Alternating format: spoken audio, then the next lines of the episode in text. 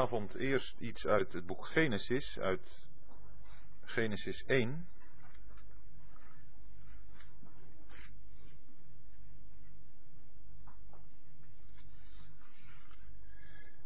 En daarvan vers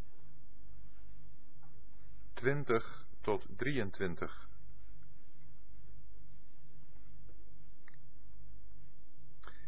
En God zeide dat de wateren overvloediglijk voortbrengen een gewemel van levende zielen en het gevogelte vliegen boven de aarde in het uitspansel des hemels. En God schiep de grote walvissen en alle levende wremelende ziel, welke de wateren overvloediglijk voortbrachten naar haar aard.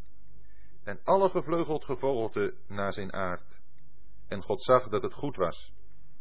En God zegende ze, zeggende, Zijt vruchtbaar en vermenigvuldigd en vervult de wateren in de zeeën. En het gevogelte vermenigvuldigen op de aarde. Toen was het avond geweest en het was morgen geweest, de vijfde dag. En dan een tweetal plaatsen uit het Nieuwe Testament, eerst uit Jacobus 1.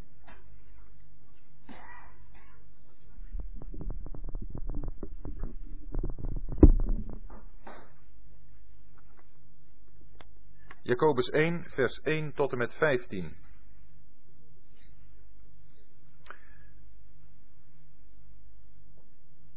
Jacobus, slaaf van God en van de Heer Jezus Christus, aan de twaalf stammen in de verstrooiing, gegroet.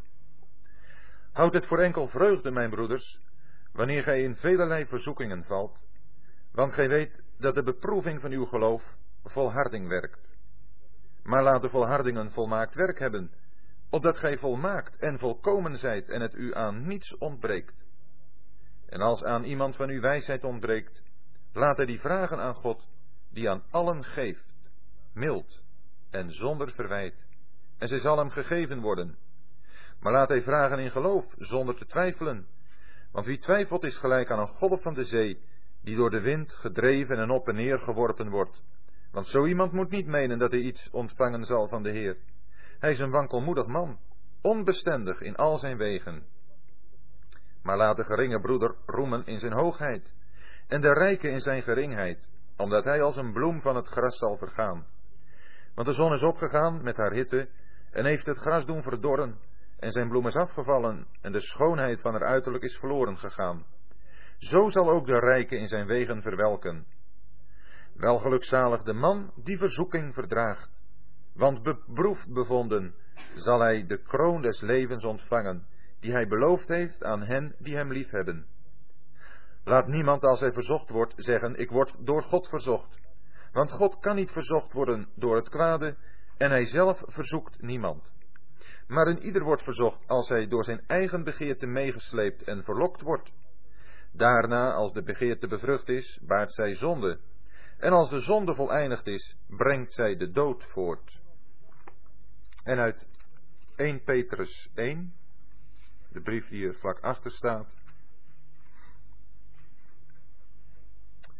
Het gaat nu om vers 6 en 7, maar voor het verband vanaf vers 3. 1 Petrus 1, vers 3. Gezegend zij de God en Vader van onze Heer Jezus Christus, die naar zijn grote barmhartigheid ons heeft wedergeboren tot een levende hoop door de opstanding van Jezus Christus uit de doden tot een onvergankelijke, onbevlekte en onverwelkelijke erfenis, in de hemelen bewaard voor u, die in de kracht van God door het geloof bewaard wordt tot de behoudenis, die gereed is om in de laatste tijd geopenbaard te worden. Daarin verheugt gij u, nu, als het nodig is, voor een korte tijd bedroefd door velelei verzoekingen, opdat de beproeving van uw geloof, veel kostbaarder dan die van goud, dat vergankelijk is en door vuur beproefd wordt, blijken te zijn tot lof en heerlijkheid en eer in de openbaring van Jezus Christus. Tot zover. Het onderwerp van deze avond is verzoekingen en beproevingen van het geloof. En we hebben er in ons gebed aan gedacht dat het misschien mogelijk is dat er hier iemand is die aan dit geloof nog geen deel heeft. En daarom denk ik dat het goed is daar eerst mee te beginnen, want voordat wij over verzoekingen en beproevingen van het geloof gaan praten, zullen we toch eerst, willen we ook iets aan dit onderwerp op zich hebben, moeten weten dat het geloof ons deel is. Wat is dan het geloof wat beproefd, wat verzocht kan worden? Dat is het geloof wat vertaald kan worden met vertrouwen. Dat is een vertrouwen wat zich richt op iemand anders. Op iemand anders die dat vertrouwen ook volkomen waard is. Die dat vertrouwen niet zal beschamen. Maar die juist te midden van problemen, van zorgen, van moeite, zal blijken dat vertrouwen volkomen waard te zijn. Dat vertrouwen dat in de eerste plaats op die persoon, op die ander gesteld moet worden. Omdat we weten, persoonlijk, dat zoals we zijn, die ander met een hoofdletter, en dat is de Heer Jezus Christus, nodig hebben om bij God aangenomen te kunnen worden. Om voor die heilige God te kunnen verschijnen. Want zoals wij zijn van onszelf, kunnen we dat niet. Wij zijn namelijk, zoals de Bijbel dat zegt, en ik hoop, zoals onze praktijk, onze ervaring dat bewijst, van onszelf zijn wij zondaren. Mensen die het verkeerde doen. Mensen die in elk geval, want dat verkeerde, dan zouden we daar nog over kunnen gaan praten, die in elk geval niet doen wat van ons gevraagd wordt. En wat van ons gevraagd wordt, dat is wat God zegt, dat is Hem dienen. Ons leven als mensen, als schepselen, heeft God hier op aarde dat doel gegeven dat we Hem zouden dienen.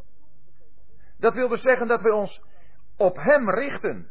Dat we Hem vragen, wat wilt U dat wij doen? En een mens doet dat van nature niet. Die doet zijn eigen wil. En dat is zonde. Want dan beantwoorden we niet aan het doel wat God met u en mij gesteld heeft, hier op aarde. En dan moeten we ons bewust worden dat God daarom u en mij als doemwaardige zondaars naar de hel zou moeten verwijzen. En God die heilig is, kan ook niet anders dan het verkeerde wat hij in zijn schepselen ziet, straffen, oordelen. Maar God is niet alleen licht, God is niet alleen heilig, gelukkig, God is ook liefde. Nee, niet dat die twee tegenover elkaar staan, elkaar bestrijden. Nee, in God is dat in volkomen evenwicht, in een volkomen harmonie.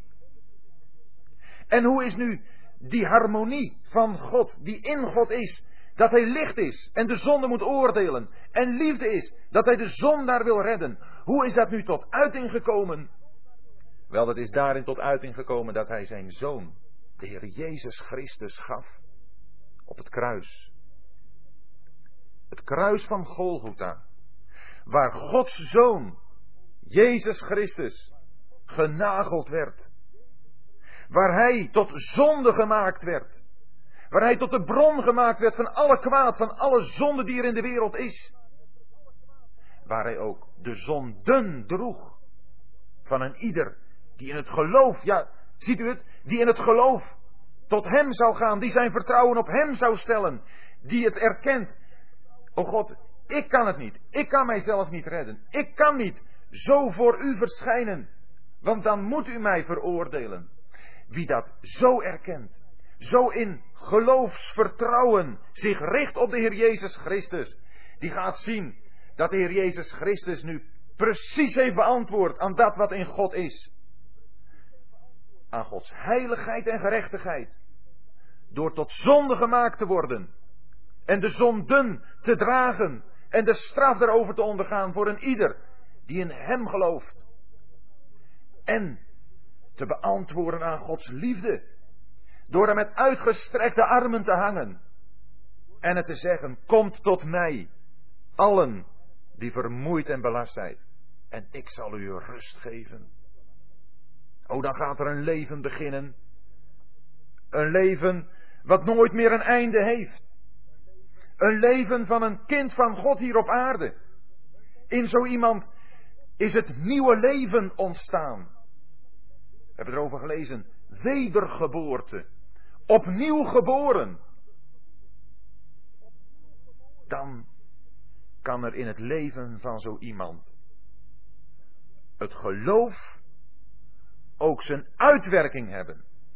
Want het is natuurlijk niet zo dat het alleen maar een zaak is van aanvaarden en verder maar weer je oude gangetje gaan. Nee, willen we het bewijzen?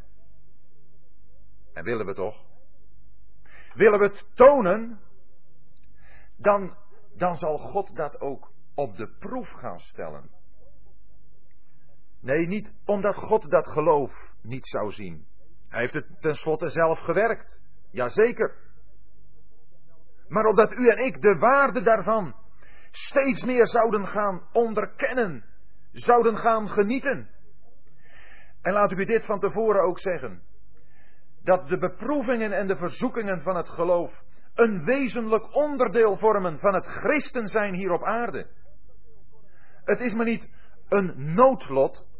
Het is me niet een onprettige bijkomstigheid van ons verblijf als christenen hier op aarde, dat er ook nog zoiets is als verzoekingen en beproevingen. Nee, het hoort er helemaal bij. Een leven zonder beproevingen is geen leven. En God wil dat bij u en bij mij tot uiting brengen. God wil dat wat in ons aanwezig is, ook in de praktijk zijn uitwerking gaat krijgen. Dat vertrouwen op Hem. En daarom hoeven we nooit te zeggen tegen iemand, als het zo te sprake zou komen, zoals ook vanavond, neem de Heer Jezus Christus aan. En dan word je een gelukkig en blij mens. En dan zal je weg verder over rozen gaan. Al je problemen verdwijnen. Er blijft niets van over. Man, het wordt nu één vreugdevolle weg. Op reis naar de hemel. En het eindpunt is zeker. Nee, dan zijn we verre bezijden de realiteit. Het leven van een christen heeft te maken met beproevingen en verzoekingen. En dat is, zoals gezegd, opdat u en ik er de waarde van zouden gaan zien.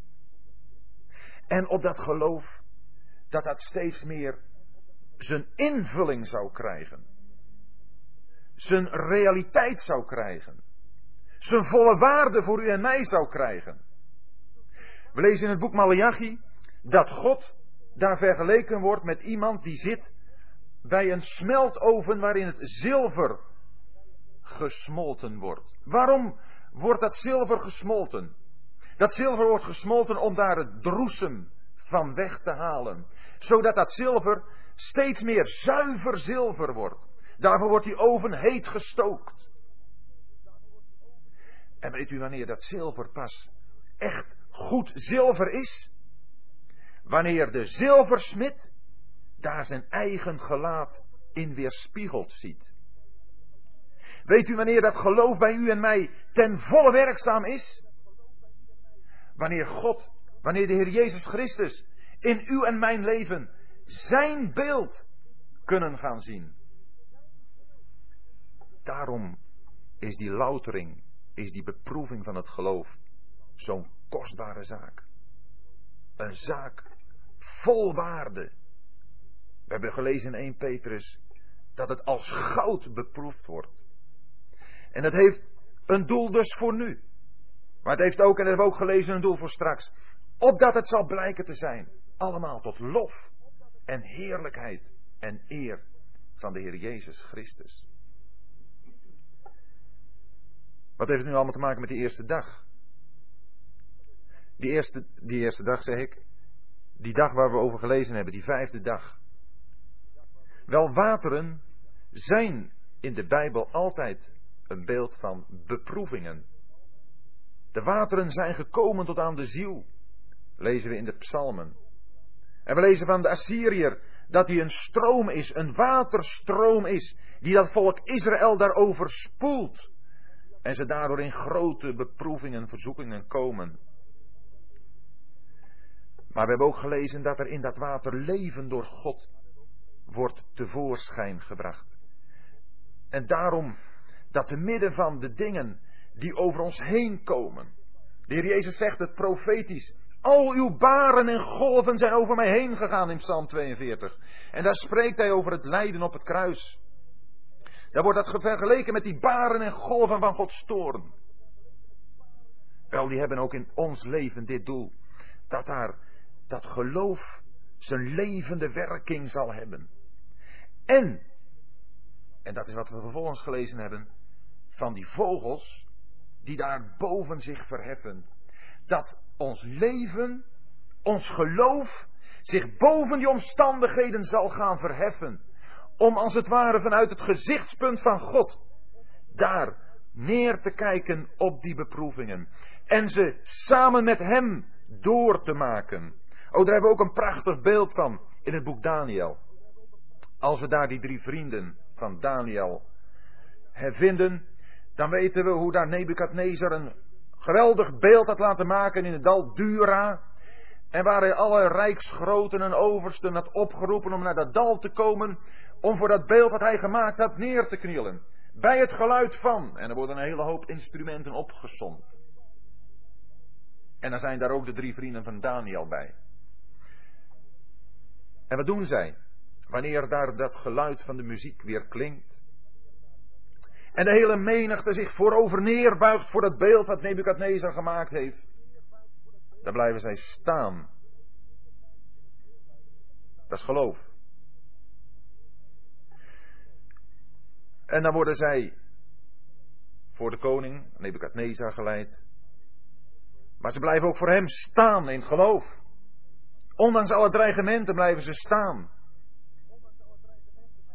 En dan zegt koning Nebukadnezar, woedend geworden, dat de oven, de vuuroven die bereid was voor deze mannen, zevenmaal heter gestookt zou worden. En de mannen die deze drie mannen erin moeten gooien, zij bezwijken aan de hitte. En die drie mannen, ze wandelen daar te midden van die vurige gloed. Ze staan. En koning Nebukadnezar, hij ziet ze daar. Maar hij ziet er ook een vierde bij. En hij zegt het. Zie ik niet vier mannen wandelen? Die ene die lijkt op een zoon van God. En dan, dan komen die drie mannen ongeschonden uit die vuuroven. Maar toch is er iets met hen gebeurd. Nee, er is aan hen geen reuk van het vuur te ruiken. Maar wat is er gebeurd? De banden, de touwen waarmee ze gebonden waren toen ze in de vuuroven geworpen werden, die waren verbroken. Ze wandelden daar vrij. Weet u, beproevingen en verzoekingen zijn er om ons vrij te maken van banden die ons kunnen binden. En ook om die geweldige ervaring op te doen. Dat in de beproeving de Heer Jezus Christus bij ons komt. Oh, dat staat zo prachtig in het boekje Zaja.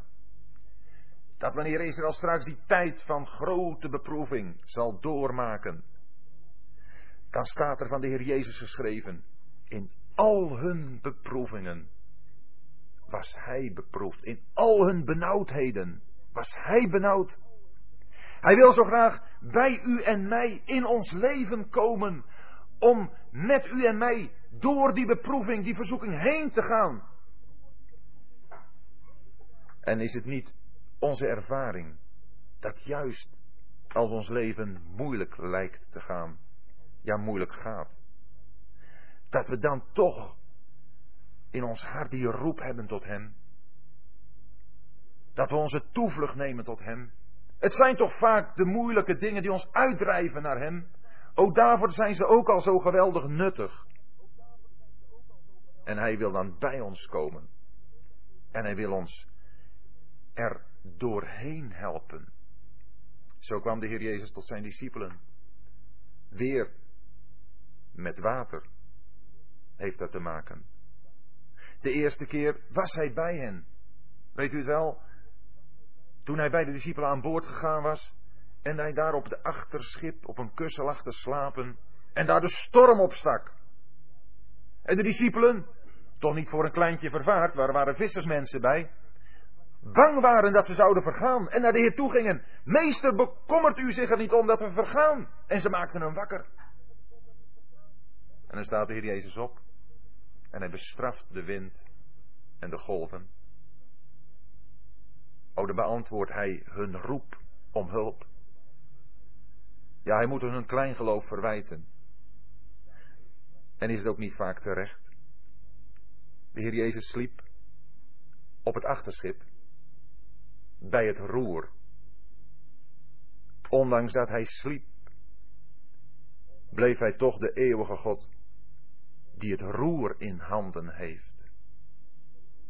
En we geloven toch ook niet dat een toevallige storm dat schip waar hij aan boord is om zou kunnen laten komen. En bij die andere geschiedenis, dat de Heer Jezus niet bij hen was, maar op de berg. Ja, op de berg om te bidden. Dan staat daar dat hij hoe ziet hoe zijn discipelen zich aftobben. En hoe ze maar roeien en maar niet vooruitkomen. En dan komt de Heer Jezus tot hen en wandelt over het water. En zo komt hij tot hen. Ja, eerst zijn ze nog bang dat het een spook is. En dan is Peter die zegt, Heer, als u het bent, gebied mij tot u te komen over het water. En dan gaat Petrus stapt het bootje uit over het water. En gaat zo naar de Heer toe. Ja, even een zwak moment. Zolang hij op de Heer keek, ging het goed. Maar even zijn blik afgewend op de wind en op de golven. En plomp, daar ging die. Maar dan toch nog die ene noodkreet. Heer, behoud mij. En de Heer steekt zijn hand uit en haalt Petrus weer uit de golven naar boven. En dan wandelen ze zo naar het schipje. Stappen erin. En toen ze ingestapt waren, ging de wind liggen. En de zee werd rustig. Oh, dat was een geweldige ervaring voor de discipelen. En ze hebben hem bewonderd. En die ervaringen kunnen wij gaan opdoen. Daarom is het onderwerp van deze avond niet een theoretische bespiegeling van lijden en beproevingen maar het is een werkelijkheid. Iets wat u en ik, ieder op onze eigen manier, ieder in onze eigen mate, meemaken als we christen zijn. En het christen zijn willen beleven. We kunnen er altijd voor weg. We kunnen altijd voor lijden weg. Als het gaat om dingen die we kunnen ontlopen. We kunnen ook dat wat God met het lijden bedoeld heeft, wat Hij in ons leven invoert en waar we niet voor weg kunnen, toch ontlopen. Dat wil zeggen, de lessen, of liever gezegd, de bemoeienissen van God daarin niet ontdekken. Want we kunnen op verschillende manieren reageren op beproevingen, op verzoekingen. In Hebreeën 12 lezen we hoe een vader zijn kind kastijdt, tuchtigt. Dat is op het ogenblik zelf niet een prettige ervaring, zo staat er ook.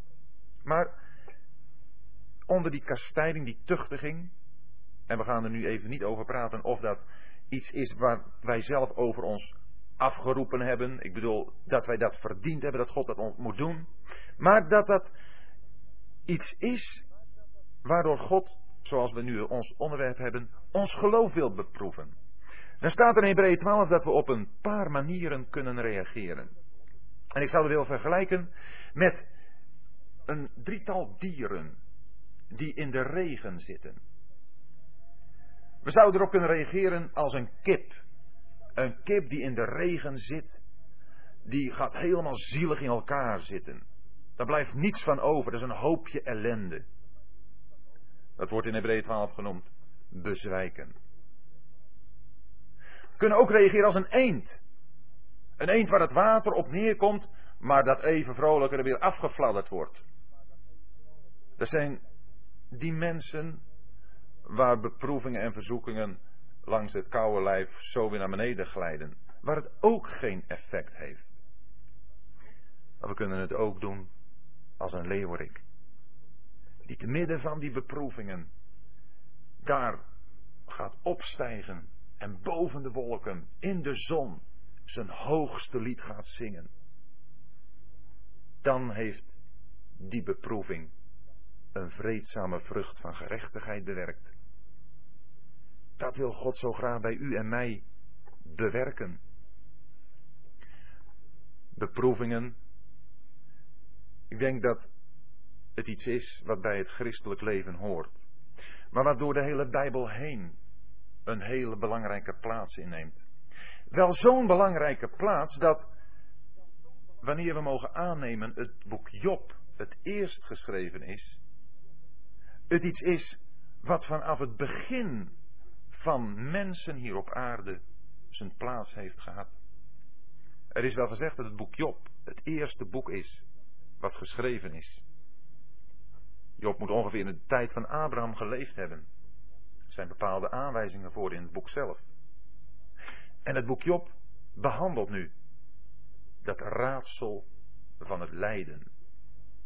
Want er zijn er toch maar veel vraagtekens over. Waarom is er zoveel lijden? En dat boek Job, dat is een schitterend boek om te lezen. Dat is een taal, daar wordt je hart helemaal warm van. Daar voel je je helemaal bij betrokken.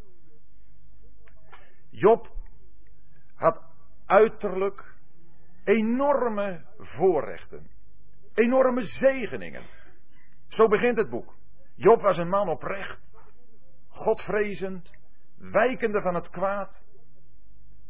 Job had geweldige zegeningen, aardse, stoffelijke zegeningen. En dan, nadat dat geschilderd is, worden we in het boek Job meegenomen naar de hemel. En dan worden we getuigen van een gesprek tussen God en de Satan. De zonen Gods, de engelen, die waren daar voor God gekomen. En dan is het niet Satan die tegen God zegt. Zegt God, die Job, die heeft het ook maar gemakkelijk. Nee, het is God die de aandacht van Satan op Job vestigt. En die zegt, heb je ook acht gegeven op mijn knecht Job? Ja, zegt Satan, het is nogal een kunst om u te vrezen. Moet je eens kijken wat hij allemaal heeft. Nou goed, zegt God. Ga je gang maar. Neem hem alles af wat hij heeft. En dan volgt rampspoed op rampspoed. Volgt wat Job dan allemaal moet ondergaan. En lezen we het. Dat Job niet zondigde. Hij zegt dat de Heer heeft gegeven, de Heer heeft genomen. De naam des Heeren zijn geprezen. En het waren niet kleinigheden die Job daar heeft meegemaakt. Vreselijke dingen heeft hij daar achter elkaar te verwerken gekregen.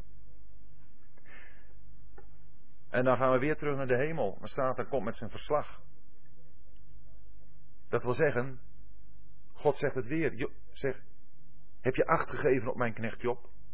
Ja, zegt Satan, maar huid voor huid, hè? Huid voor huid. Goed, zegt God. Tast hem aan. Alleen kom niet aan zijn leven. Dat alleen moeten we goed onthouden. God bepaalt de grens. Er is niet één beproeving, één verzoeking, waarvan we moeten zeggen, die gaat te ver. God bepaalt de grens, niet de Satan. En Satan gaat uit en slaat je op met zweren. Vreselijk. Zodat zelfs een vrouw tegen hem zegt: Ach Job, zegen God toch alsjeblieft en sterf. Waarmee ze hem als het ware, met andere woorden gezegd, aanzet om zelfmoord te plegen. Want wat heeft het leven nu nog voor zin? Job zegt, die spreekt als een zottin. En in dit alles zondigde Job met zijn lippen niet. En de Satan druipt af. Job heeft alles uit de hand van God aangenomen. Job was geen getuige van dat gesprek in de hemel, met hem als inzet. God, Job heeft alles uit de hand van God aangenomen. En Ik denk dat we blij mogen zijn dat het boek Job niet met hoofdstuk 2 is geëindigd.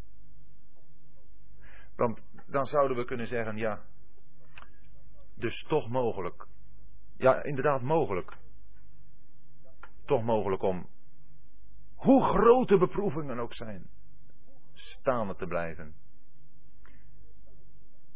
Maar God is nog niet klaar met Job. De Satan wel. En de Satan is in het ongelijk gesteld. Maar God was nog niet klaar met Job. Er was in Job iets wat nog tot uiting moest komen. En dan gaat Job vanaf hoofdstuk 3, nadat de vrienden hem keer op keer het leven nog eens extra zuur gemaakt hebben. Dat kunnen we rustig zeggen. Want zijn vrienden hebben hem niet begrepen. Dan gaat Job door dat hele boek heen steeds meer tot het licht komen. O, eerst vervloekt hij zijn geboortedag. En ik ben blij dat het boek Job niet met hoofdstuk 2 is afgelopen, maar ook hoofdstuk 3 en die andere hoofdstukken aan ons voorstellen. Om het te kunnen zien hoe een mens gebald met de vuist tegenover God als het ware staat. Dat kunnen de reacties zijn van ons hart. En wie, wie zal elkaar daarover hart vallen? Maar laten we goed begrijpen dat het Gods bemoeienissen zijn.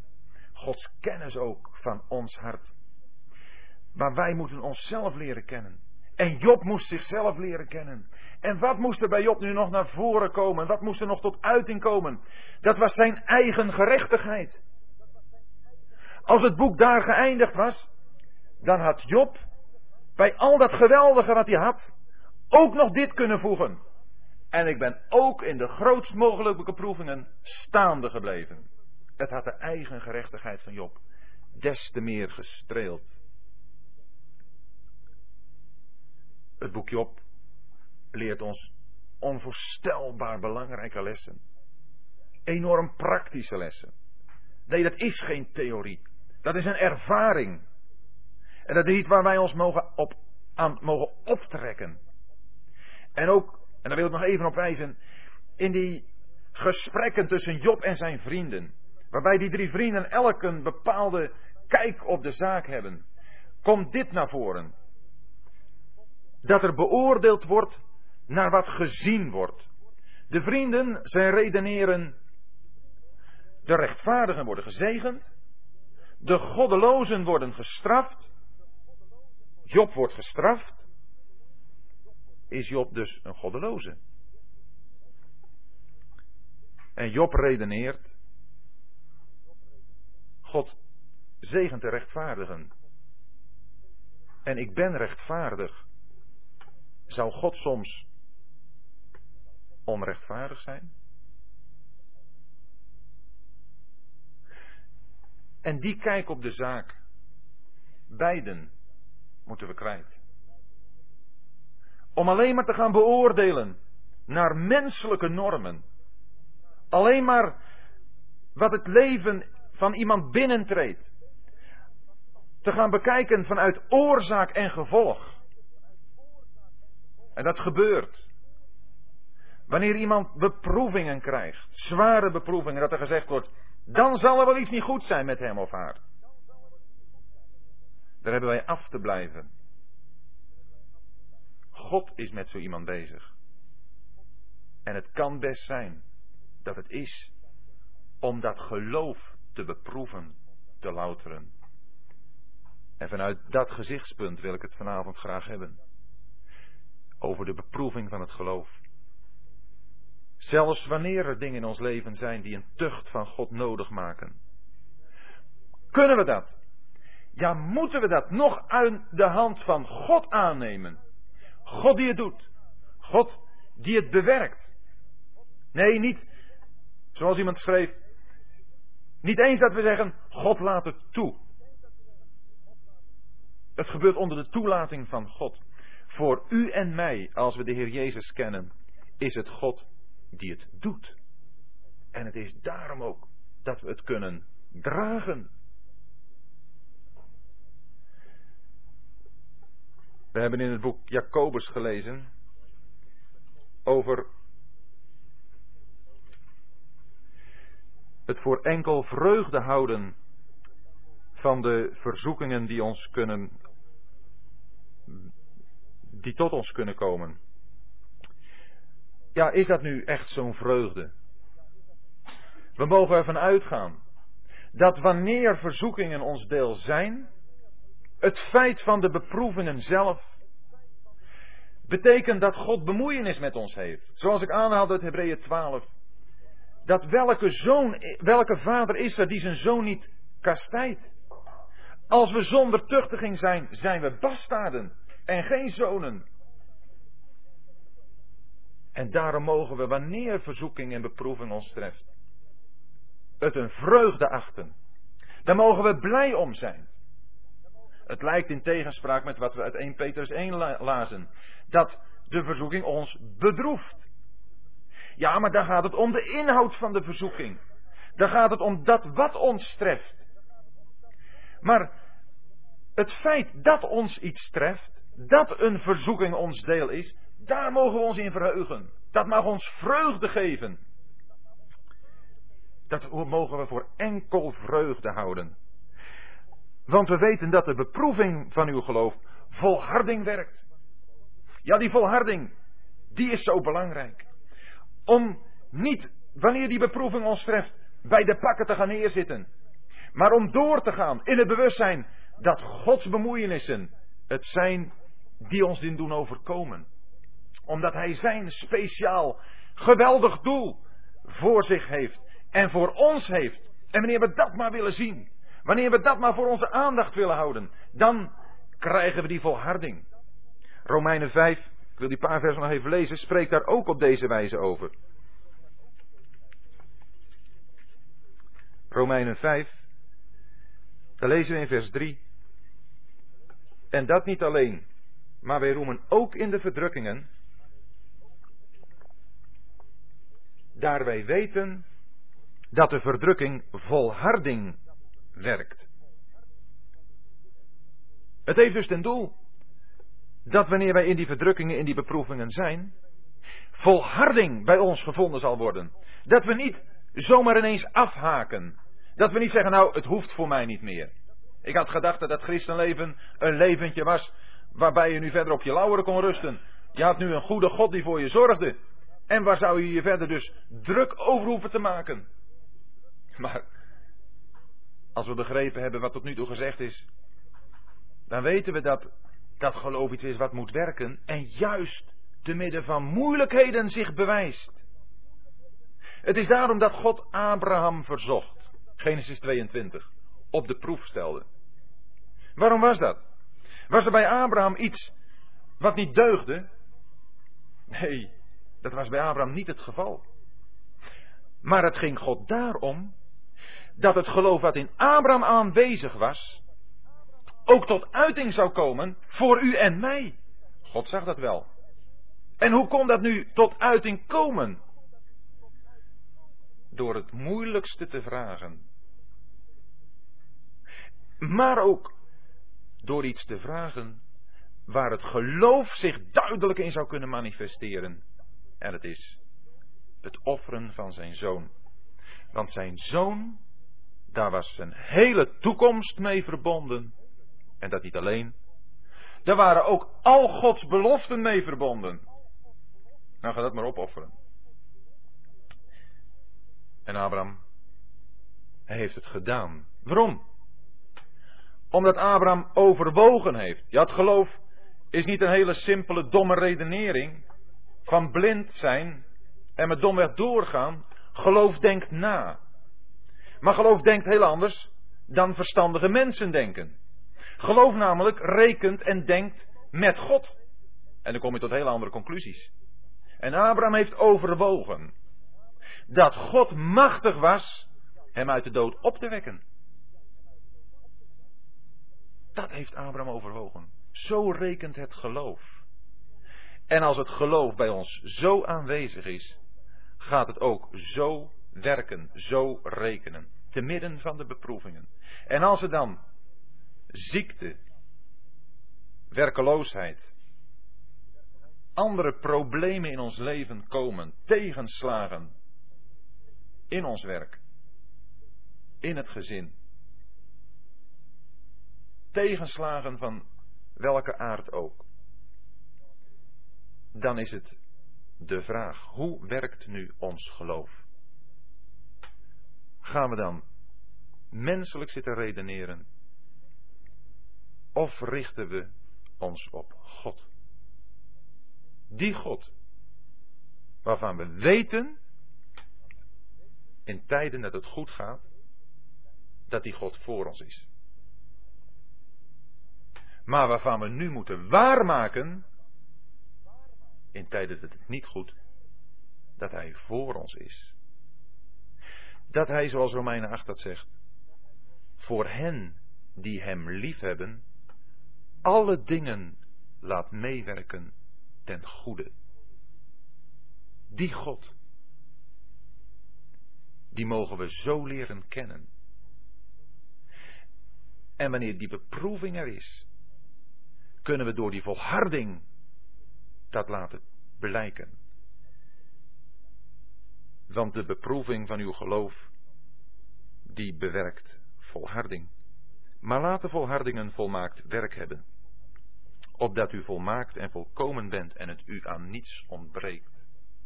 Die volharding moet ook zijn volle uitwerking hebben. En er is wat de beproeving in het geloof van het geloof betreft ook niets moeilijker dan juist de lange duur ervan. Kijk, als je maar weet, morgen of overmorgen, dan is het voorbij. Dan geeft dat je wat uitzicht. Maar wanneer is die volharding nu zo nodig dat het een volmaakt werk heeft? Dat is wanneer we het eind niet zien van die beproeving dan moet die volharding een volmaakt werk hebben. Die moet zijn volle uitwerking hebben. Tot het eind. Tot het eind dat de Heer heeft gesteld. Zo staat het ook in Jacobus van Job. Die paar versen wil ik toch nog even lezen. In vers 11 van Jacobus 5.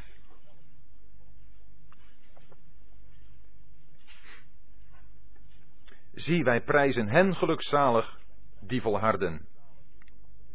Gij hebt van de volharding van Job gehoord en hebt uit het einde, niet van Job, maar van de Heer gezien, dat de Heer vol van medegevoel en warmhartig is. Dat is het einde. Het is het einde van de Heer. Het is Hij die een, aan het eind van die beproeving staat. Zo heeft de Heer Jezus zelf in Hebreeën 12 het voor zich gezien. Hij die om de vreugde die hem voorgesteld werd, het kruis heeft verdragen en de schande heeft veracht. Hij stelde die vreugde voor zich. En dat mogen wij ook doen. We mogen door die beproeving, die verzoeking heen, het einddoel in de gaten houden. Niet het einde van de verzoeking zozeer, maar het, wat het aan het einde daarvan staat, dat is de Heer Jezus. Het gaat om Zijn verheerlijking Opdat gij volmaakt en volkomen zijt en het u aan niets ontbreekt. Als die volharding zo'n volmaakt werk heeft, ontbreekt het ons aan niets. Want dan zullen we voortdurend dat einddoel in de gaten hebben. Zullen we voortdurend gericht zijn op de Heer Jezus Christus. En de Heer Jezus zelf hier op aarde is natuurlijk het volmaakte voorbeeld van dit alles. Zoals ik aanhaalde uit Hebreeën 12. De Heer Jezus is doorgegaan, ondanks alle verzoekingen en beproevingen. En zeker hij was de man, zo zegt Jezaja 53, die bekend is geweest met ziekten, de man van smarten en bekend met ziekten, vertrouwd daarmee. Hoe is hij veracht geworden, verguist, geminacht, onbegrepen geweest.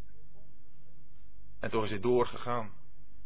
Ja, het is zelfs zo dat in het dieptepunt van zijn verwerping hier op aarde. En daar bedoel ik mee, toen hij daar was, bij Bethsaida, bij Gorazin, bij Capernaum, en het moest zeggen, wee jullie.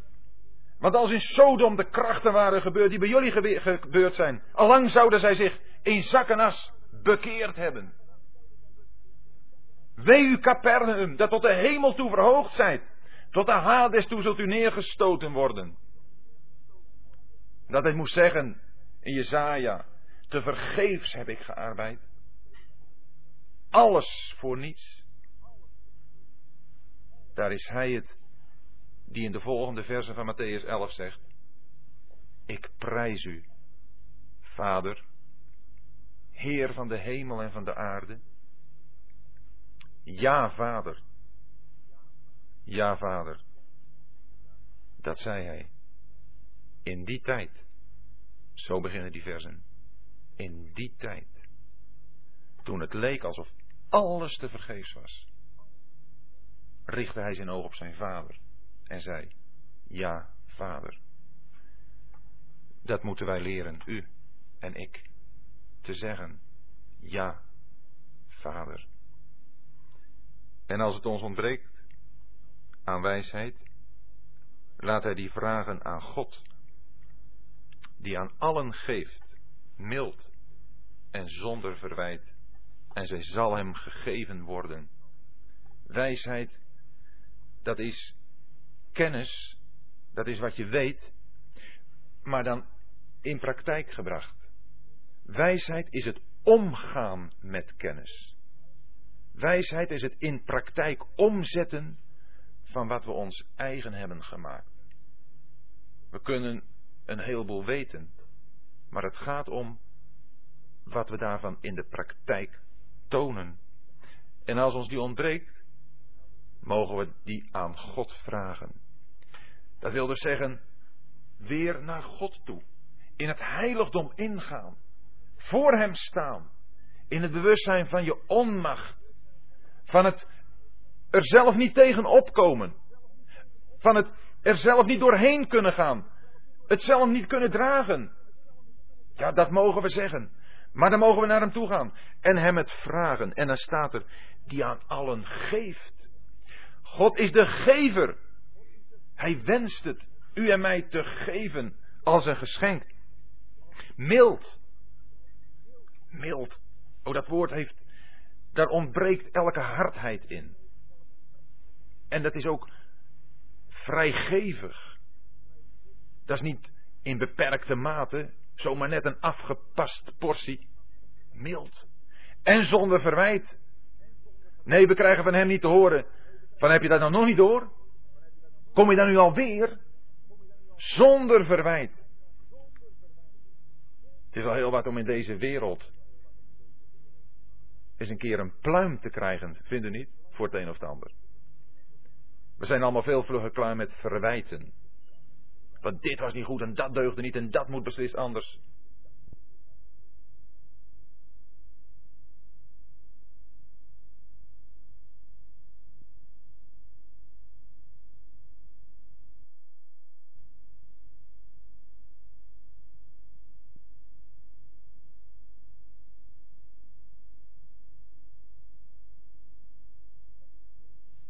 om te geven zonder verwijt. Verwijten komen zo hard aan. En ze zijn ook niet nodig. En God doet het dan ook niet. Zonder verwijt. Geeft hij het. En ze zal hem gegeven worden. Maar laat hij vragen in geloof. Er moet wel gevraagd worden in geloof. We moeten daar wel voor God staan. In het bewustzijn. Als ik het u vraag, God. Dan geeft u het. Daar valt gewoon helemaal niet meer over te praten. Er staat toch dat God het geeft. Ze zal hem gegeven worden. Nou, dan kunnen we daarop vertrouwen. Durven we het woord vertrouwen? Durven we zo tot God te gaan? Als we vanavond bidden voor een bepaalde zaak. Om wijsheid te vragen. En er dan van uit te gaan, God geeft het. Want als hij dat niet doet, dan lijk je aan een golf van de zee, die door de wind gedreven en op en neer geworpen wordt. Ja, dan ben je een wankelmoedig mens. Als je God notabene niet wilt en kunt of durft vertrouwen, ja, wat moet er dan van je worden? Dan komt die en dan komt die met oplossingen. En dan ga je daar je nood klagen. En daar heeft die een bepaalde kijk op de zaak. En die zegt, je moet het zo eens proberen. Oh man, je bent een golf van de zee, door de wind gedreven, heen en weer bewogen. In Efeze staat het met betrekking tot de leer dat we vast moeten staan in de schrift. Dat we ons niet met elke wind van leer moeten laten meevoeren. Wanneer de wind op de open zee is en grip krijgt op de golven, dan gaan ze precies zoals die wind ze opzweept. Nou, zo lijken we dan ook te zijn. Als we voor God staan, maar in ons hart helemaal niet geloven dat God ook gaat geven wat we hem vragen. Vragen in geloof. Is dat weer een opgeklopt gevoel van een krampachtige geloofshouding van ik moet dat geloven, dus laat ik het geloven? Nee, dat is gewoon weer een vertrouwend geloven. Dat is je bewustzijn voor wie je staat. Voor die God die geeft, mild en zonder verwijt.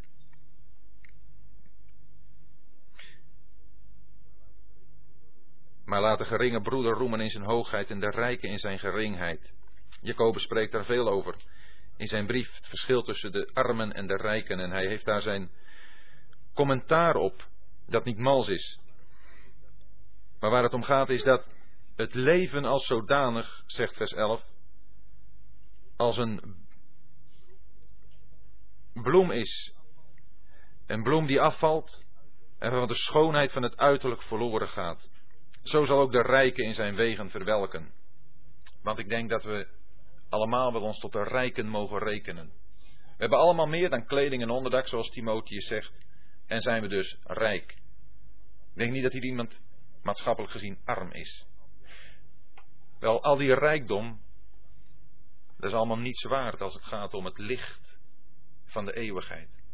Daarom wordt dat vergeleken hier met het gras, waar de hitte van de zon overheen gaat. Het verschrompelt, het verdort. De zon is een beeld van de Heer Jezus. Waar wij als rijken in moeten roemen is onze geringheid, in het feit dat we niets zijn. Dat we ook vergankelijk zijn. En daaraan gekoppeld staat er in vers 12. Wel gelukzalig de man die verzoeking verdraagt.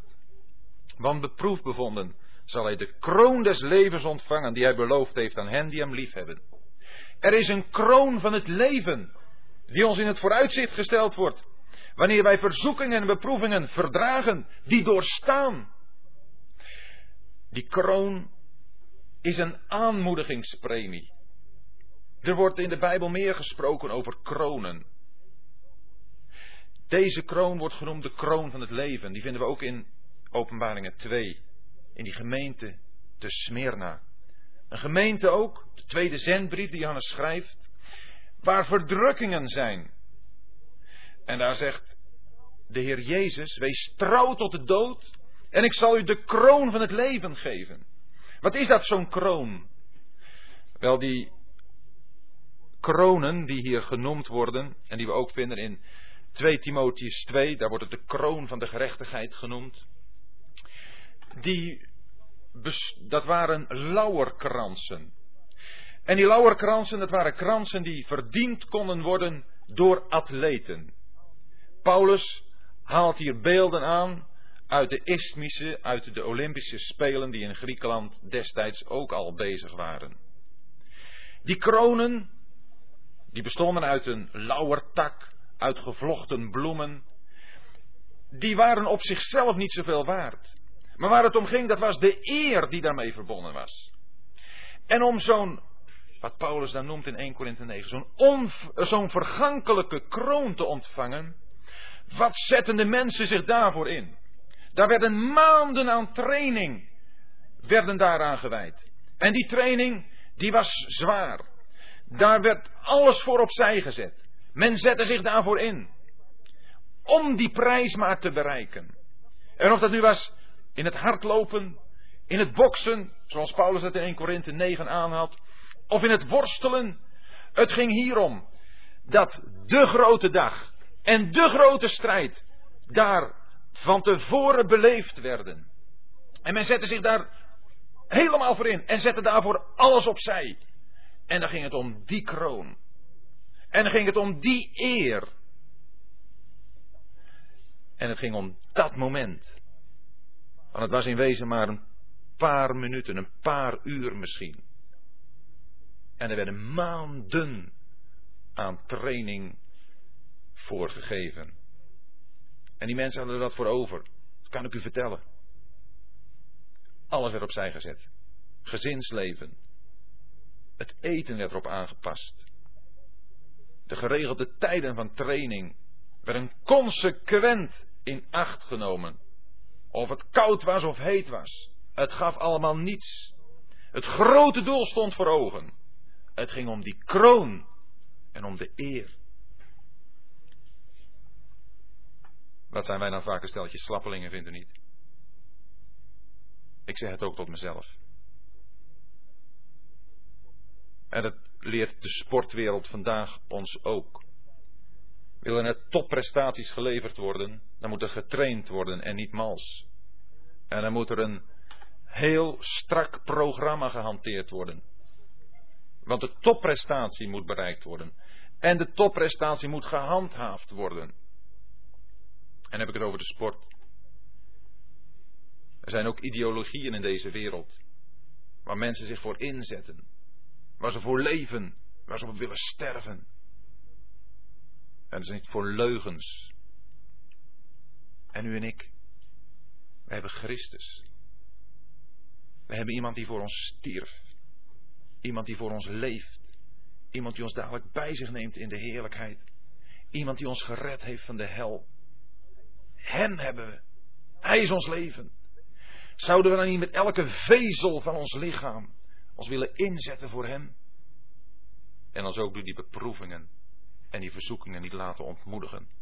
Maar ons uitstrekken naar die kroon van het leven. Alsof u en ik de enige waren die hem zouden kunnen krijgen.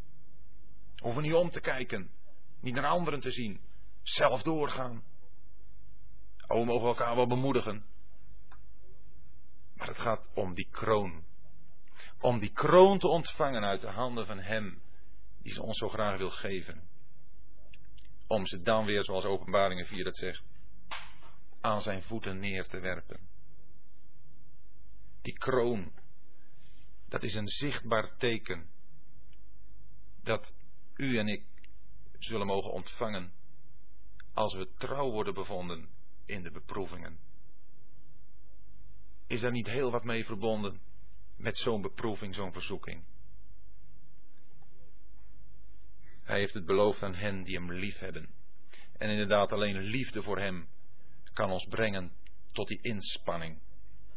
Ook zij het allemaal wat menselijk. En het is natuurlijk duidelijk dat het niet in menselijke kracht te vinden is. Maar de beelden ontleend aan de sportwereld vinden we toch in de Bijbel ze op een geestelijke wijze waar te gaan maken in uw en mijn leven. Ik wilde nog even naar 1 Petrus 1 toe. Omdat ons daar het ogenblik dat we daar zullen komen in het vooruitzicht wordt gesteld. In vers 4, daar lezen we dat er een onvergankelijke, onbevlekte en onverwelkelijke erfenis in de hemelen bewaard wordt voor ons. En dat wij, zegt vers 5, in de kracht van God door het geloof bewaard worden, tot behoudenis. Tot dat ogenblik dus dat we daar zullen aankomen. Die behoudenis die gereed is om in de laatste tijd geopenbaard te worden. Wel, en in die tijd, daarin mogen we ons nu verheugen. Nu, als het nodig is, voor een korte tijd bedroefd. Ziet u dat er staat, als het nodig is. Het is ook maar niet willekeurig. Het is maar niet dat God dat zo om zich heen strooit. En treft het lot ons, jammer dan. Nee, als het nodig is, als het in Gods plan past met u en mijn leven, dan komt het. Voor een korte tijd. Jazeker, voor een korte tijd. Want hoe uitzichtloos het soms ook kan lijken, het is toch een korte tijd. 2 Korinthe 4 zegt dat wij nu voor een korte tijd dat lijden kunnen meemaken. Het is slechts kort. Want aan de andere kant is er een eeuwig gewicht van heerlijkheid wat er tegenover staat. Het is een kleine beproeving ook, zegt Paulus in 2 Korinthe 4. Tegenover dat overweldigende wat ons wacht wanneer we bij de Heer Jezus zijn. Maar het is opdat die beproeving van het geloof, die veel kostbaarder is dan goud, dat vergankelijk is en door vuur beproefd wordt, zal blijken te zijn tot lof en heerlijkheid en eer in de openbaring van Jezus Christus. Dan zal het werkelijk gezien worden. Wat we lezen in 2 Thessalonicensen hoofdstuk 1 vers 10. Want op die dag, wanneer Hij komen zal, om verheerlijkt te worden in zijn heiligen en bewonderd te worden in allen die geloofd hebben. Daar in 2 Thessalonicensen 1 vers 10. Daar zien we hoe de Heer Jezus terugkomt van de hemel, omringd door hen die hij zijn heilige noemt, waardoor hij verheerlijkt zal worden. Oh, wat denkt u dat als we daar bij de Heer Jezus zijn? Hij is dan eerst gekomen om ons op te halen, maar dan komt hij terug. Dan zijn wij, u en ik, daar als een decor om hem heen. Zal dat zijn heerlijkheid niet groot maken? Oh, dat zal zijn heerlijkheid groot maken. Hij zal verheerlijkt worden in zijn heiligen. Maar, en dat heeft met ons onderwerp te maken, hij zal ook bewonderd worden in allen die geloofd hebben. Dat waar hij zich mee omringd heeft, die heiligen. Daarvan zullen de mensen die dat zullen zien zeggen, bewonderend zeggen, zijn dat die mensen die toen hier op aarde hun vertrouwen zo op hem gevestigd hebben? In geloofsvertrouwen zo hun weggegaan zijn? Het zal bewondering brengen hier op aarde wanneer we zo met de Heer Jezus zullen terugkomen. Want de mensen om ons heen, ze begrijpen ons vaak niet. Ze begrijpen onze handelingen vaak niet. Ze begrijpen onze reacties op beproevingen vaak niet. Dat wij daar doorheen kunnen gaan met vreugde in ons hart. Niet neergeslagen, uitzichtloos, oh wel bedroefd. Jazeker, dat kan. We lezen in 1 Thessalonicense 4 dat wanneer er geliefden ontslapen, dat we dan bedroefd zijn. Maar staat erbij, niet zoals de overigen, die geen hoop hebben. Daarom kan er bij een graf van een gelovige gezongen worden.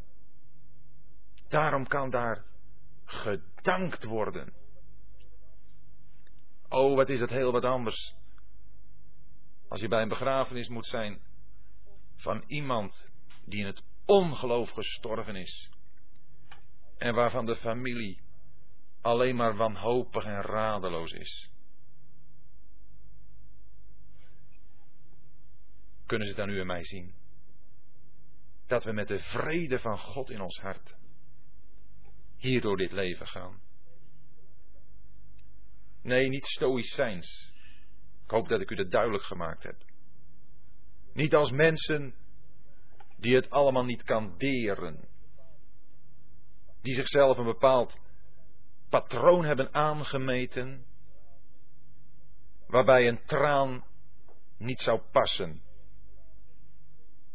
Nee, onze tranen hebben we gekregen. Ook om ze te storten. En God telt de tranen. God telt elke traan. Maar ook, en juist als mensen, die toch de vrede van hun hart niet kwijtraken. Die vrede van God, die alle verstand te boven gaat. En die onze gedachten en harten zal bewaren in Christus Jezus. Dat is het doel van God met het leven van u en van mij. Geef de Heer zijn genade dat hij dat mag bereiken, zodat ons leven als christen hier op aarde, te midden van beproevingen en verzoekingen, een rijk, een steeds rijker wordend leven mag worden, waarin dat geloof zich steeds duidelijker, steeds meer zal openbaren. Want hier kan het nog. Hier op aarde. Dat is het terrein van de beproeving. Dat is boven niet meer mogelijk. Hier kunnen we tonen wat geloof waard is. Hier kunnen we laten zien, in de navolging van de Heer Jezus Christus, dat we Hem lief hebben, bij Hem horen, juist op een terrein waar hij verworpen is. En dat is genade. Dat is pure genade.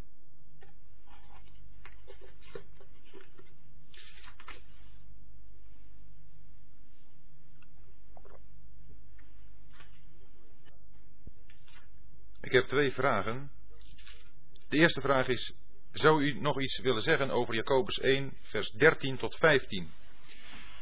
Ik heb dat voorgelezen maar tegen het eind van de inleiding dacht ik, laat ik er in de vragenbespreking op terugkomen. Want voor zover ik het uh, zelf aanvoelde, paste het er op dat moment niet meer helemaal aan vast. Maar ik wil dus graag aan de vraag tegemoetkomen door nog even iets te zeggen over die versen 13 tot en met 15. Omdat die zo in tegenspraak lijken met wat daaraan vooraf gaat. We hebben daar gelezen in Jacobus 1 vers 13. Laat niemand als hij verzocht wordt zeggen, ik word door God verzocht. Want God kan niet verzocht worden door het kwade en hij zelf verzoekt niemand. Maar een ieder wordt verzocht als hij door zijn eigen begeerte meegesleept en verlokt wordt. Daarna, als de begeerte bevrucht is, baart zij zonde en als de zonde voleindigd is, brengt zij de dood voort.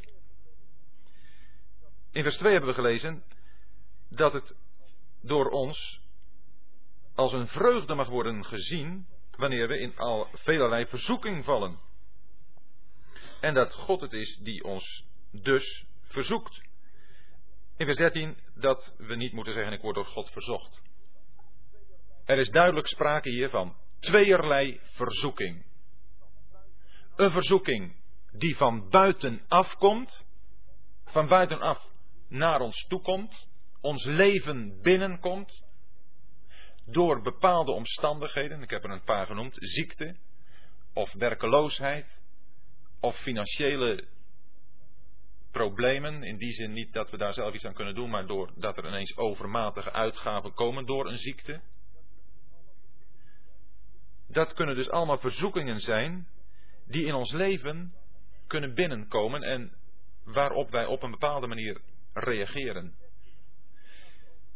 In vers 13 gaat het over duidelijk een ander soort verzoeking.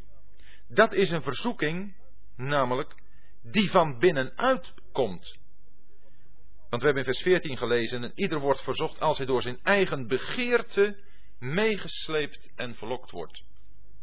Dat is dus een verzoeking die in ons hart, in onze begeerte, zijn oorsprong vindt.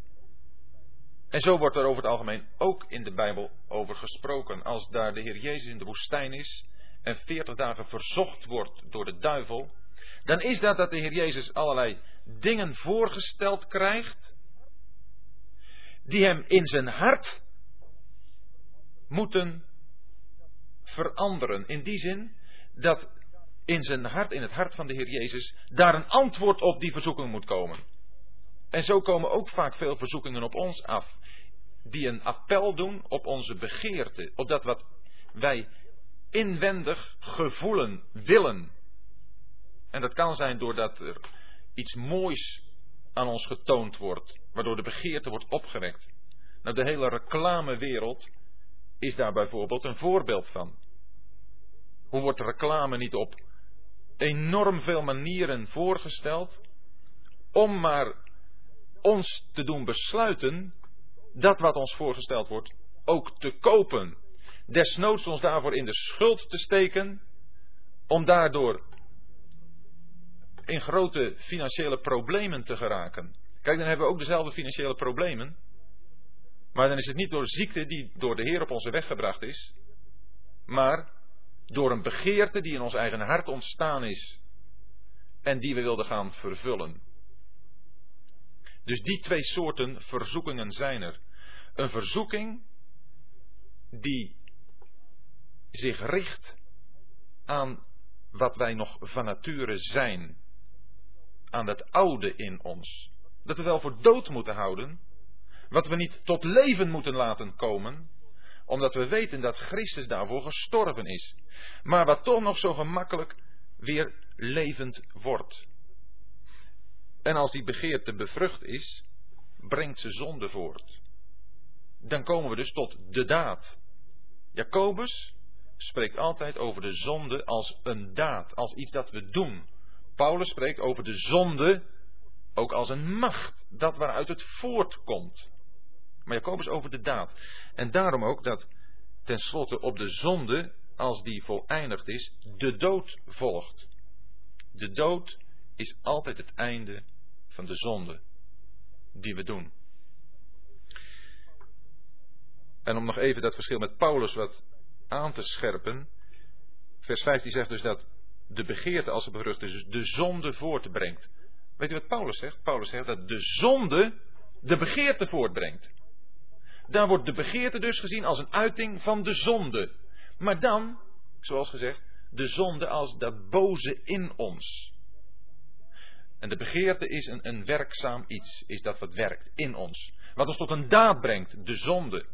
En die zonde voert dan tot de dood. Vandaar dat we dus een duidelijk onderscheid moeten maken tussen verzoekingen, beproevingen, die van buitenaf naar ons toe komen en die ertoe dienen ons geloof te beproeven. Ons geloof op de proef te stellen. Hoe reageren we nu daarop? Op die dingen die over ons komen, waar we ons niet aan kunnen onttrekken, maar die toch een bepaalde houding van ons vragen. Hoe reageren we daarop? Willen we daar in geloof doorheen gaan? En de andere, dat is dat de begeerte een rol gaat spelen. Dat we iets zien, het heeft toch altijd met de ogen te maken, of praktisch altijd. Iets zien wat zijn uitwerking heeft in ons innerlijk, zodat we een begeerte krijgen het te bezitten. En dan komen we tot zonde. Zonde is die onafhankelijkheid die ons onafhankelijk doet handelen van God. Niet aan Hem vragen wat Hij wil. Dan heb ik hier nog een vraag. Is beproeving en verzoeking ook geen strijden in de hemelse gewesten en de machten der duisternis? Deze twee uitdrukkingen, hemelse gewesten en machten der duisternis, vinden we in Efeze 6. In Efeze 6 lezen we over de strijd die we hebben. In vers 12. Onze strijd is niet tegen bloed en vlees, maar tegen de overheden tegen de machten, tegen de wereldbeheersers van deze duisternis, tegen de geestelijke machten van de boosheid in de hemelse gewesten. Daarvoor moeten we eerst even een onderscheid gaan maken, en ik kan dat het beste doen aan de hand van de geschiedenis van het volk Israël, tussen wat we mogen kennen als de hemelse gewesten en dat wat we hebben als ons leven hier op aarde. Het volk Israël was een volk dat eens in slavernij in Egypte was, verdrukt werd door de Egyptenaren. Door God verlost werd uit de macht van Farao, door de Rode Zee heen gebracht in de woestijn. Zij waren dus uit de macht van hun onderdrukkers. En ik heb het al vaker gezegd, maar in Egypte en in Farao hebben we een beeld van de zonde. De zonde die macht heeft over een mens en hem in zijn heerschappij houdt en hem tot slaaf maakt. En God wil daaruit bevrijden. Zo heeft hij Israël bevrijd daaruit door het oordeel over de Egyptenaren uit te voeren, maar ook over de Israëlieten het oordeel uit te voeren. Alleen bij de Israëlieten werd het oordeel uitgeoefend over het lam en het bloed van het lam werd gedaan aan de beide zijposten en de bovendorpel. Dus op grond van dat bloed, dus het oordeel, waardoor de macht van de Egyptenaren gebroken werd, werden de Israëlieten bevrijd. En zo mogen ook, hoop ik, en ieder die er is, het zien. Dat het bloed het is waarachter wij schuilen. En we bevrijd zijn uit de macht van de Egyptenaren, van de vijand, van de Satan. En zoals Israël door de Rode Zee in de woestijn gebracht werd, zo is nu voor ons deze wereld een woestijn. In een woestijn, daar is voor het leven niets te vinden. Ja, er zijn wat bronnen, palmbomen. Zo hebben wij ook wij in deze woestijn bronnen en palmbomen. Bron hebben we in het woord van God. Mogen wij putten, palmbomen is de schaduw, in de schaduw van de Allerhoogste is gezeten. We mogen ons weten in zijn schaduw geborgen te zijn. En in die woestijn is ook strijd. Daar zijn ook vijanden. En ik denk dat met name daarmee deze verzoekingen en beproevingen te maken hebben. Het zijn die vijanden die op Israël afkwamen in de woestijn en die aanvielen op de zwakste plaatsen. Amalek was zo'n vijand. En ze vielen aan daar waar Israël het zwakst was. Daar was een strijd te strijden. Israël, hoe konden ze alleen die strijd winnen? Weet u alleen? Doordat Mozes de berg op ging. En daar met zijn handen omhoog ging zitten. Als een voorbeeld van de Heer Jezus, als de grote voorbidder. Als die hoge priester. Die ons, zegt Hebreeën, tegemoet komt, ons helpt, ons ondersteunt en ons doorvoert in onze zwakheden. Want als die beproevingen en verzoekingen komen, juist dan voelen we ons zo zwak. Dan zijn we zo, zo weerloos. En dan ook zijn we een schitterend doelwit voor de Satan, zoals dat bij Job het geval was. Maar dan is dat gelukkig de hoge priester. Dan is dat gelukkig de Heer Jezus, die voor ons bidt, die voor ons tussen beiden treedt bij God. Waarom? Hebreeën 7 zegt dat. Om ons volkomen te behouden. Om ons dus helemaal door die woestijn heen te voeren naar het einddoel. En niet door die vijandige aanvallen er onderdoor te gaan. Dat is de woestijn. Dat is ons leven van elke dag in deze wereld. Waar we dus, zoals gezegd, met ziekte te kampen kunnen hebben. Ziekte is iets wat ons allemaal wel een keer treft. Of met problemen in ons werk. Of in de straat, in ons getuigenis, kunnen we ook tegenstand hebben. Maar dat zijn dan aanvallen die, ons, die op ons afkomen. Dat is in de woestijn. Israël ging door de woestijn heen, want het was niet het uiteindelijke doel wat God met zijn volk had, Israël daar in de woestijn te laten. Ja, gelukkig God kwam wel bij dat volk wonen in het tabernakel en dat volk eromheen. Zo mogen wij ook hier op aarde een plaats hebben waar we bij God, bij de Heer Jezus mogen komen. Dat zegt Matthäus ons. Waar twee of drie vergaderd zijn in mijn naam, daar ben ik in het midden van hen. Er is hier op aarde, in deze wereld, een plaats bij Hem. Daarvoor heeft Hij ons ook in deze woestijn nog gelaten.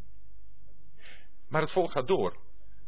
Er moet nog een rivier worden doorgegaan. Dat is de Jordaan. Want dan komen ze in het beloofde land.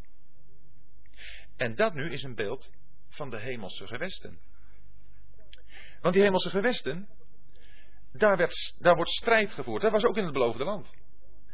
Dus het land Canaan, waar het volk Israël naartoe gaat, stelt ons niet voor dat na het leven in deze woestijn, als we sterven, we naar de hemel gaan. Maar dan is het met de strijd helemaal afgelopen. Dan is geen strijd meer. Wanneer we sterven, gaan we naar de Heer. Maar dat land heeft toch wel voor ons ook zijn betekenis. En dat, die betekenis ligt hem hierin dat Efeze 1 begint ons te zeggen dat wij gezegend zijn met alle geestelijke zegening in de hemelse gewesten in Christus. We hebben namelijk onze plaats in Christus in de hemelse gewesten. En het boek Jozua, die maakt ons duidelijk dat voor het in bezit nemen van dat land er strijd gevoerd moet worden. Strijd om dat land in bezit te gaan nemen. En de Efezebrief maakt ons duidelijk dat de zegeningen die we ontvangen hebben, het zoonschap, het kindschap, het aangenaam gemaakt zijn in de geliefde, zegt Efeze 1 ons, het kennen van de heerlijkheid van zijn roeping, het kennen van de macht waarmee de Heer Jezus uit de dood is opgestaan, het kennen van zijn plaats nu in de heerlijkheid bij God als die mens die het werk volkomen volbracht heeft en waarmee mee verenigd zijn. Al die geestelijke zegeningen, die moeten we in bezit gaan nemen. Daar moeten we voor strijden. En u moet, wanneer u zich voorneemt, bewust, voorneemt. Om eens een avond in de Bijbel te gaan lezen. Maar eens opletten wat er ineens allemaal op u af kan komen om u daarvan af te houden. Om te gaan genieten van de dingen in de hemel. Het kan toch zo gebeuren, of, of is te gaan bidden, een poos te gaan bidden, met God te gaan praten over al die dingen. Nou, je moet de stekker echt uit de telefoon trekken, want als die nooit gaat, gaat hij dan. Zulke soort dingen. Daar kun je aan merken dat daar een strijd is in de hemelse gewesten. We zullen tijd vrij moeten vechten om die zegeningen niet alleen in bezit te nemen, maar ook in bezit te houden. Om daar steeds weer opnieuw en in steeds vollere mate van te gaan genieten. Nou, die strijd is levensgroot en levensecht. Maar die wordt alleen ervaren wanneer we ook dat land in bezit willen gaan nemen. Dat is nou een strijd, denk ik, die je kunt ontlopen. Dat is een strijd die hoef je niet te kennen. Het enige wat je daarvoor moet doen is gewoon je Bijbel dichtlaten. En je gewoon niet voornemen om eens een ogenblik apart voor jezelf of met je vrouw, dat is natuurlijk ook prachtig, de Bijbel te gaan lezen. En er is iets over te lezen, samen over te praten, samen ervoor gaan bidden. Wel, dan komen de aanvallen. En daarom denk ik dat beproeving en verzoeking niet in rechtstreekse zin te maken hebben met het strijden in de hemelse gewesten. En ik hoop dat ik het onderscheid een beetje duidelijk heb gemaakt. Zijn er nog andere vragen, brandende vragen? Zegt u het eens. Jozua 7, ja? Jozua 6. Dertien maal trekken ze er rond. Ja, dat is de laatste dag. Ja. Dat was, ja.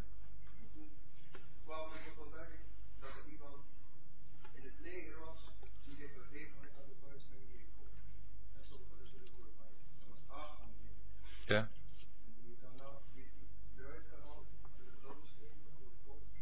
Maar wat wilt u van mij horen? Want u zegt het zelf allemaal zo goed.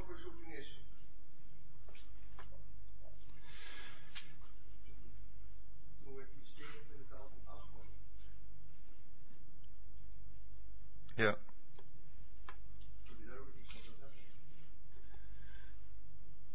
Um, ja, in verbinding met ons onderwerp is het een beetje moeilijk.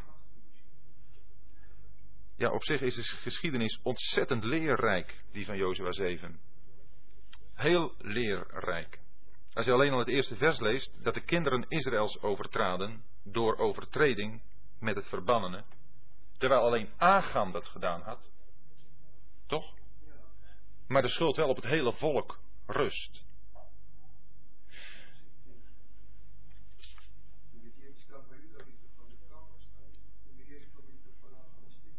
Ja. Ja. Dan komt dus de vloek komt over het hele volk. Dat betekent, en die les kunnen we er wel uittrekken, dat wat u en ik doen, zijn uitwerking heeft naar het hele volk van God toe. Dat kan ten zegen zijn, maar dat kan ook ten vloek zijn. Dat is heel belangrijk om dat goed te bedenken. Wij als christenen hebben de neiging om maar te denken dat we allemaal als loszand aan elkaar hangen en we allemaal onze eigen weg kunnen gaan. Dat is beslist niet zo naar Gods gedachten. We horen bij elkaar. We zijn bij elkaar. En er is gewoon ontzettend weinig kracht. Gezamenlijk, juist omdat we allemaal onze eigen gedachten volgen, onze eigen inzichten gaan volgen. Hier is het nog zo dat waar het volk één is, daar de vloek over het leger komt omdat Agam gezondigd heeft. En wat was nu die zonde van Agam?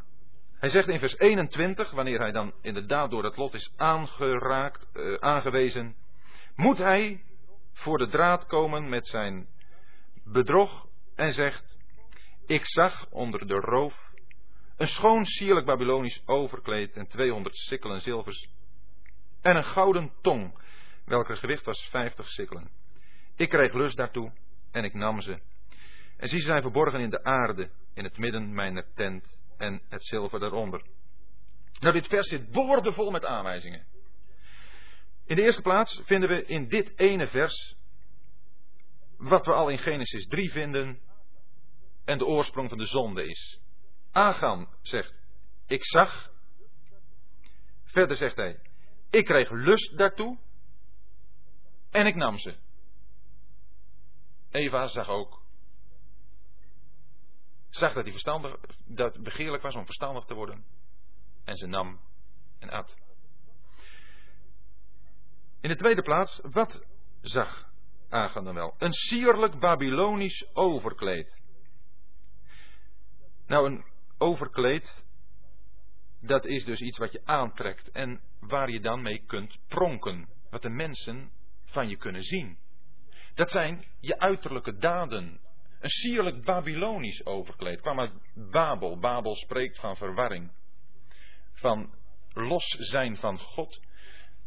Maar dan op een manier dat er toch op een bepaalde manier God gediend wordt, maar waarbij de mens wordt groot gemaakt. Dat was Babel, was toch ook Nebuchadnezzar niet die het zei? Dat is het grote Babel wat ik gebouwd heb. Het maakt de mens belangrijk. Het was ook door de Babyloniërs dat Hiskia voor de bijl ging. Hiskia kreeg, toen hij die wonderlijke genezing had gekregen, bezoek uit Babel. En daar toont hij al zijn schatten aan. En als een oordeel erover zegt de Heer dat Israël zal worden weggevoerd naar Babel. Dat Babylonisch overkleed. 200 sikkelen zilvers en een gouden tong. Zilver spreekt van verlossing, maar vooral ook die gouden tong. Een tong, daar spreek je mee. Goud spreekt van goddelijke heerlijkheid en gerechtigheid. Nou, daar kan dan prachtig over gesproken worden. Maar als het gebeurt in een Babylonisch overkleed, dan is het alleen maar praten en mooie dingen vertellen voor, ja waarvoor? Voor jezelf. Om daardoor, zowel in je gedrag als ook in je spreken, de aandacht te richten op jezelf. Maar wat doet Agan ermee? Hij verbergt ze in de aarde, in het midden van zijn tent. Nou, de aarde, daar hoort het dan ook thuis. Hij verbergt ze in de aarde. Daar is niets voor de hemel bij. Het is niet voor het volk. Hij stopt het in de aarde. Het is net als die man die die talenten heeft ontvangen. Wat doet hij daarmee? Die die ene talent ontvangen had, die nam het in een zweedoek in de aarde. Ja, had hij ook niet nodig, die zweedoek. Want hij was niet van plan om ermee aan het werk te gaan. En hij stopt het, wat hij dan nog kan doen, dat is het in de aarde stoppen. Terwijl wij onze schatten mogen verzamelen in de hemel. Daar mogen we bezig zijn. We mogen winst maken met dat wat de Heer ons gegeven heeft voor de hemel. En dan is daar toch een stuk strijd mee gepaard. En ik denk dat we hier dan misschien een van die listen hebben van de vijand, zoals we die in Efeze 6 met elkaar hebben overdacht. Die strijd in de hemelse gewesten waar aangaan aan aan bezweken is. Dat als we dan bezig zijn met die dingen in de hemelse gewesten, als we dan iets van de zegeningen zien van de Heer, die ons geworden zijn door zijn werk op het kruis, dat dingen kunnen worden waardoor wij belangrijk worden. Dat is ook iets wat heel gevaarlijk is, wanneer we daar iets van mogen gaan zien. Dat het ons belangrijk maakt en dat we daarmee willen geuren, onszelf willen profileren, om het eens modern te zeggen. En wanneer dat het geval is, dan zal er steniging moeten plaatsvinden. Het oordeel van God moet daarover komen. En die steniging, en daarom is het ook een beeld van een gemeentelijke tuchtuitoefening. Die steniging gebeurt door meerderen. Het hele volk neemt stenen op om ze te stenigen, om hem te stenigen. En daarom zal ook de gemeente zich bezig moeten houden met iemand waarvan duidelijk is dat al spreekt hij nou nog zulke mooie en ware dingen, waarvan duidelijk is dat hij het voor zichzelf doet. En om zich een plaats te vestigen onder Gods kinderen. Zo iemand, daar moet tucht op worden uitgeoefend. De Heer moet het duidelijk maken, dat is duidelijk, maar de Heer wil het ook duidelijk maken. Maar inderdaad, misschien dat toch ook dit, wat de strijd in de hemelse gewesten betreft, en daar een nederlaag in leiden, gezien wordt in Jozua 7. Nog meer vragen?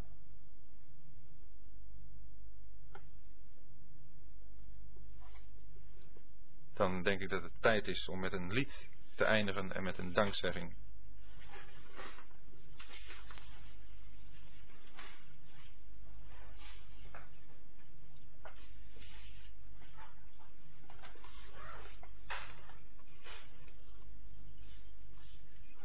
stel voor dat we met elkaar zingen nog van lied 92, het eerste en het vierde couplet. Leer mij uw weg, o Heer, leer mij uw weg. Wat ook dit leven brengt, Hij is nabij. Leer mij uw